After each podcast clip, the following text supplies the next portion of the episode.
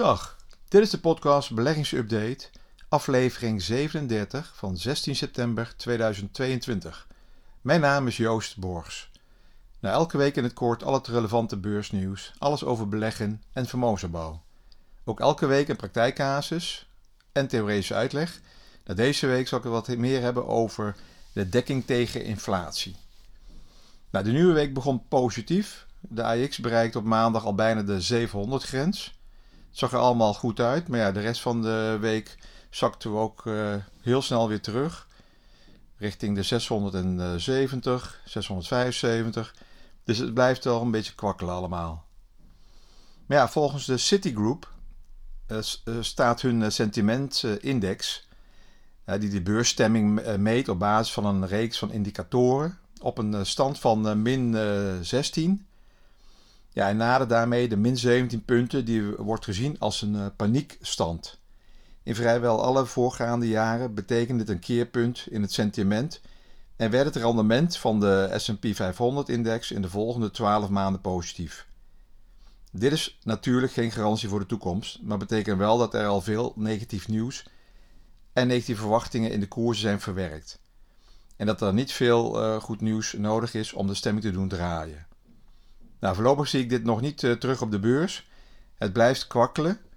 En ik lees ook wel dat sommige uh, strategen denken dat de beurs nog wel 10 tot 15 procent kan dalen. De komende maanden dan wel. Hè? Omdat we toch richting misschien een recessie gaan. En dat het, uh, het kwakkelen wel kan voortduren tot 2023. Ja, dat heb je met zo'n berenmarkt. Hè? Je gaat een aantal keren omlaag en dan krijg je weer fors herstel. Dan iedereen weer van we hebben het gehad, we, kunnen weer er vol in. En dan voor je het weet sta je weer uh, 20, 30, 40 punten lager. Nou, dat hebben we deze week weer gezien. Ja, dinsdag kwam de Amerikaanse consumentenprijsindex, hè, de CPI's, het cijfer uit. En die was iets boven verwachting. Dat kleine beetje boven verwachting was uh, niet goed voor de beurs. Door dit cijfer is de vrees de centrale bank de rente met weer een stap van 75 eh, eh, punten zal verhogen in september, is weer eh, toegenomen. Het optimisme van de dagen hiervoor kwam door die dalende trend van gas en olie. Daarnaast dalen diverse andere grondstoffen. Waarschijnlijk zullen we dit effect pas over een paar maanden terugzien in de consumentenprijzen. Het kan ook zo zijn dat bedrijven de dalende basisgrondstoffen niet zullen gebruiken om de consumenten te bevoordelen, maar om de eigen winstmarge nog even wat te verbeteren. Ik denk ook niet dat Ahold direct zijn prijzen neerwaarts gaat aanpassen en dat straks het biertje en cappuccino in de kroeg eh, goedkoper eh, gaat worden. Ja, dat zal bij Jumbo nou zeker niet het geval zijn, nou de directie ook uh, opgesloten zit. Nou, in ieder geval op Wall schoten dus op dinsdag door dat cijfer de, de de aandelen acuut in een inflatiestress. Na de stijging van de afgelopen dagen, van verleden week, die week ervoor, eh, doken de beurzen fors in de min. 4 tot 5 eh, procent zelfs voor de technologiebeurs. Dat was de sterkste daling in meer dan twee jaar.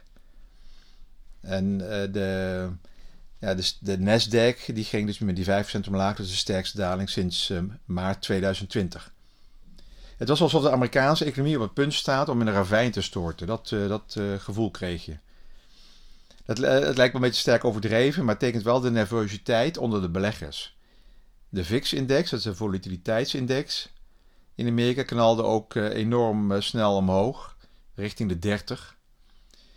die iets hoger dan verwachte inflatie is misschien een kleine tegenvaller, maar naar mijn mening ook weer, weer niet zo dramatisch ja, ook de wereldwijde aandelenindex uh, daalde met 2,3% uh, op dinsdag. Dus eigenlijk leverden we in één dag alle winsten in van de vier voorafgaande dagen. Nou, ook de Europese beurzen volgden dus. Dat zei ik in het begin al. De Europese aandelenbeurzen zakten ook allemaal weg hè, op dinsdag, namiddag en woensdag. Ja, dus uh, het ziet er allemaal even weer uh, wat uh, somber uit, omdat die inflatie niet zo snel, maar dat kan je toch ook niet verwachten, dat die inflatie in één keer weer uh, hard gaat dalen. Het blijft voorlopig nog even op het hoge niveau. We gaan het de komende maanden volgen. Ja, het bedrijfsnieuws, eigenlijk was, had Philips wat, wat nieuws. is ook natuurlijk zo leuk, de mogelijke claims. Ik heb al een paar keer aangegeven dat die claims van Philips, dat is niet iets van de korte termijn. Hè? Dat zal een paar jaar aan de rechtszaken kosten. Dus ehm, de beleggersvereniging VEB start een procedure tegen Philips om miljarden euro's aan schade te verhalen. Patiënten en beleggers zijn stelselmatig verkeerd voorgelicht over de problemen met het apneu- en beademingsapparaat. Daardoor zouden beleggers in het verleden een veel te hoge prijs hebben betaald voor aandelen Philips. De vereniging becijfert de totale schade voor aandeelhouders op zo'n 16 miljard. Dus de VEB stelt Philips formeel aansprakelijk voor de schade in een brief die afgelopen weekend naar het bedrijf is gestuurd. De beleggersclub wil binnen twee weken met Philips om tafel om over een uh, vergoedingsregeling te praten. Nou, gaat Philips dat gesprek niet aan, dan volgt een gang naar de rechter. Nou, wat denkt de VEB? Dat Philips meteen uh, in gesprek gaat en zegt van hier heb je een paar miljard? Ik denk dat dit nog jaren gaat duren. Philips gaat niet zomaar geld uitkeren en zal zoals altijd een langere procedure aangaan en het rekken tot een eh, redelijk bedrag uh, uitkomt. Nou, dus kijk maar even naar hoe Bayer in Duitsland al, met, al jarenlang in een claimaffaire gewikkeld zit in Amerika. Kost ook al miljarden met hun overname van Monsanto. Deze casus heb ik vorig jaar een keertje verteld in een van mijn podcasts. Nou, ik krijg wel vaak de vraag welke belegging het goed doet in tijden van inflatie. Nou ja, grondstoffen, uh, energieaandelen uh, en inflation-linked obligaties, die hebben het goed gedaan de afgelopen tijd. Nou, deze drie categorieën die, ja, die hebben het echt al, al een jaar, doen ze het heel goed. Kijk maar naar aandelen Shell, die blijft toch op een goed niveau liggen. En zeker in Amerika zijn energieaandelen um, ja, toch wel een plusrendement opgeleverd in tijden van hoge inflatie en daardoor stijgende rentes kan een belegging in grondstoffen beleggers enige bescherming bieden tegen de uitholling van hun koopkracht.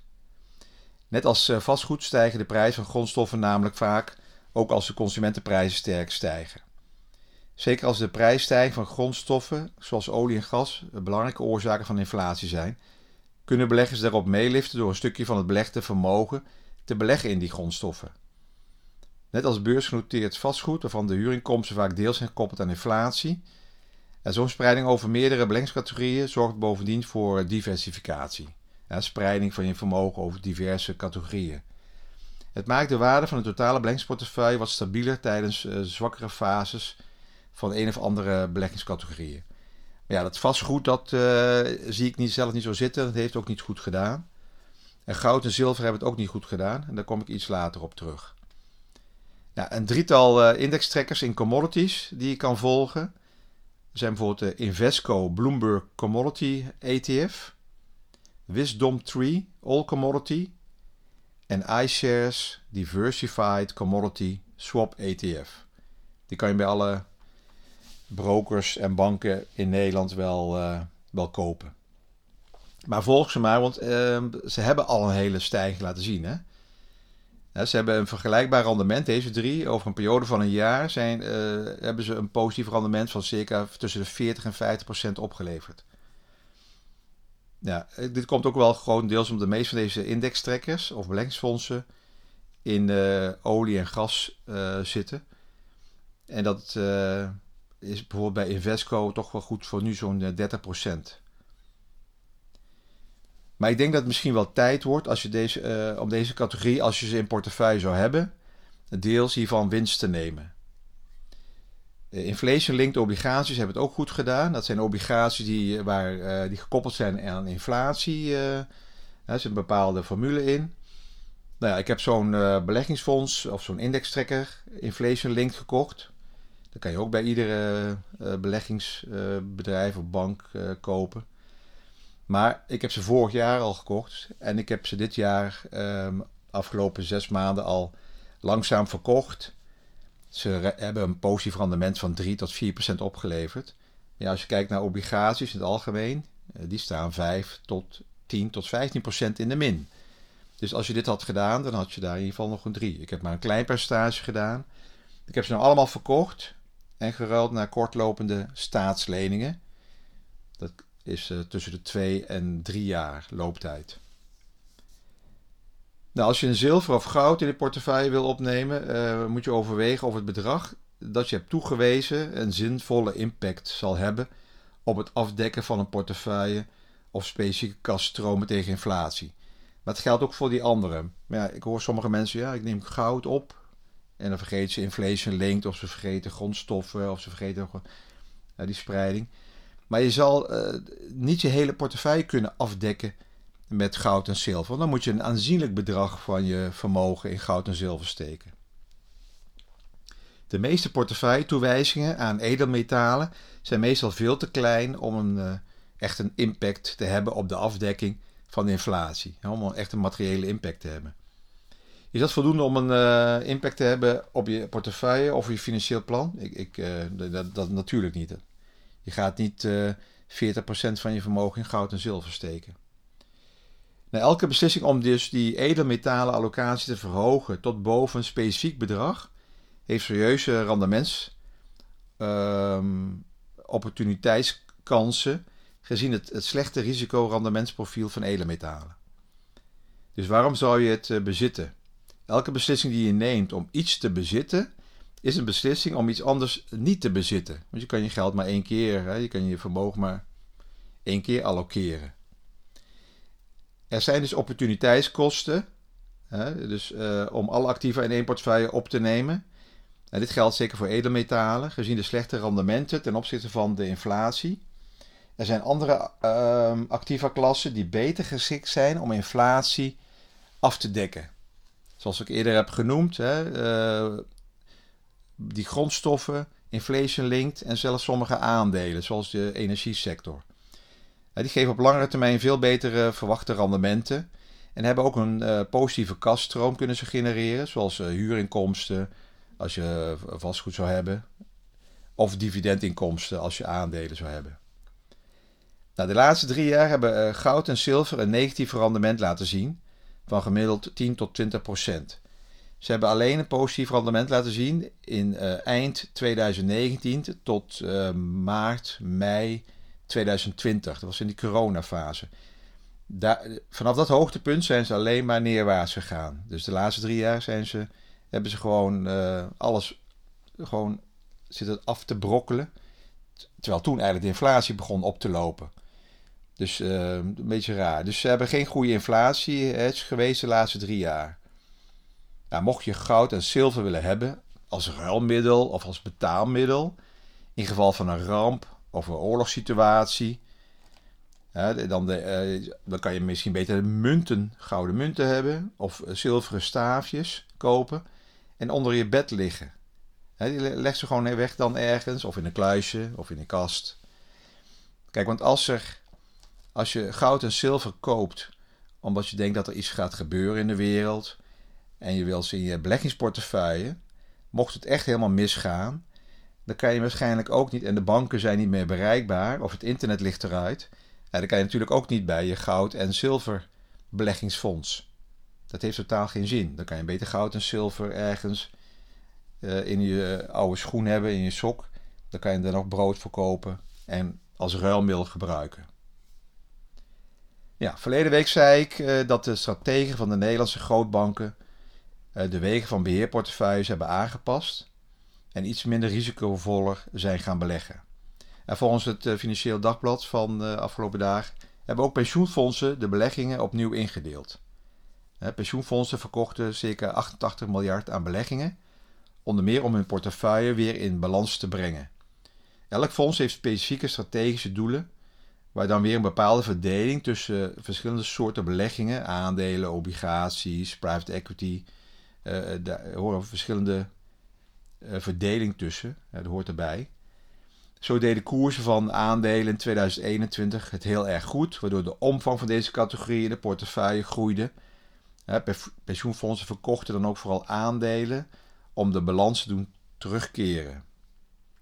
Dus zoals je ziet is het verstandig om een paar keer per jaar, als, ook als particuliere belegger, goed naar de portefeuille te kijken en eventueel te herbalanceren. Ook dit heb ik regelmatig in mijn podcast van de laatste twee jaar uitgelegd. professionals doen het dus. Waarom doe je het ook zelf niet? controleer of je nog happy bent met de huidige verdeling en of het passend is bij je beleggingsdoelstelling en risicoacceptatie.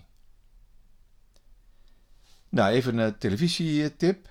Afgelopen maandag was er bij de NPO, NPO VPR, VPRO-programma Tegenlicht, het programma Tegenlicht, een kijkje achter de schermen bij ASML.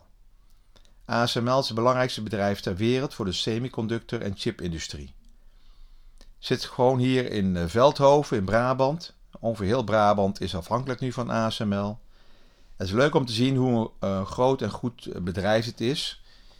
En VPRO tegenlicht gaf gewoon even goed uh, inzicht in wat voor machines ze bouwen en hoe het daar allemaal uh, loopt. Nou, dank voor het luisteren. Alles op persoonlijke titel, geen direct advies en op basis van openbare informatie. Tot de volgende week.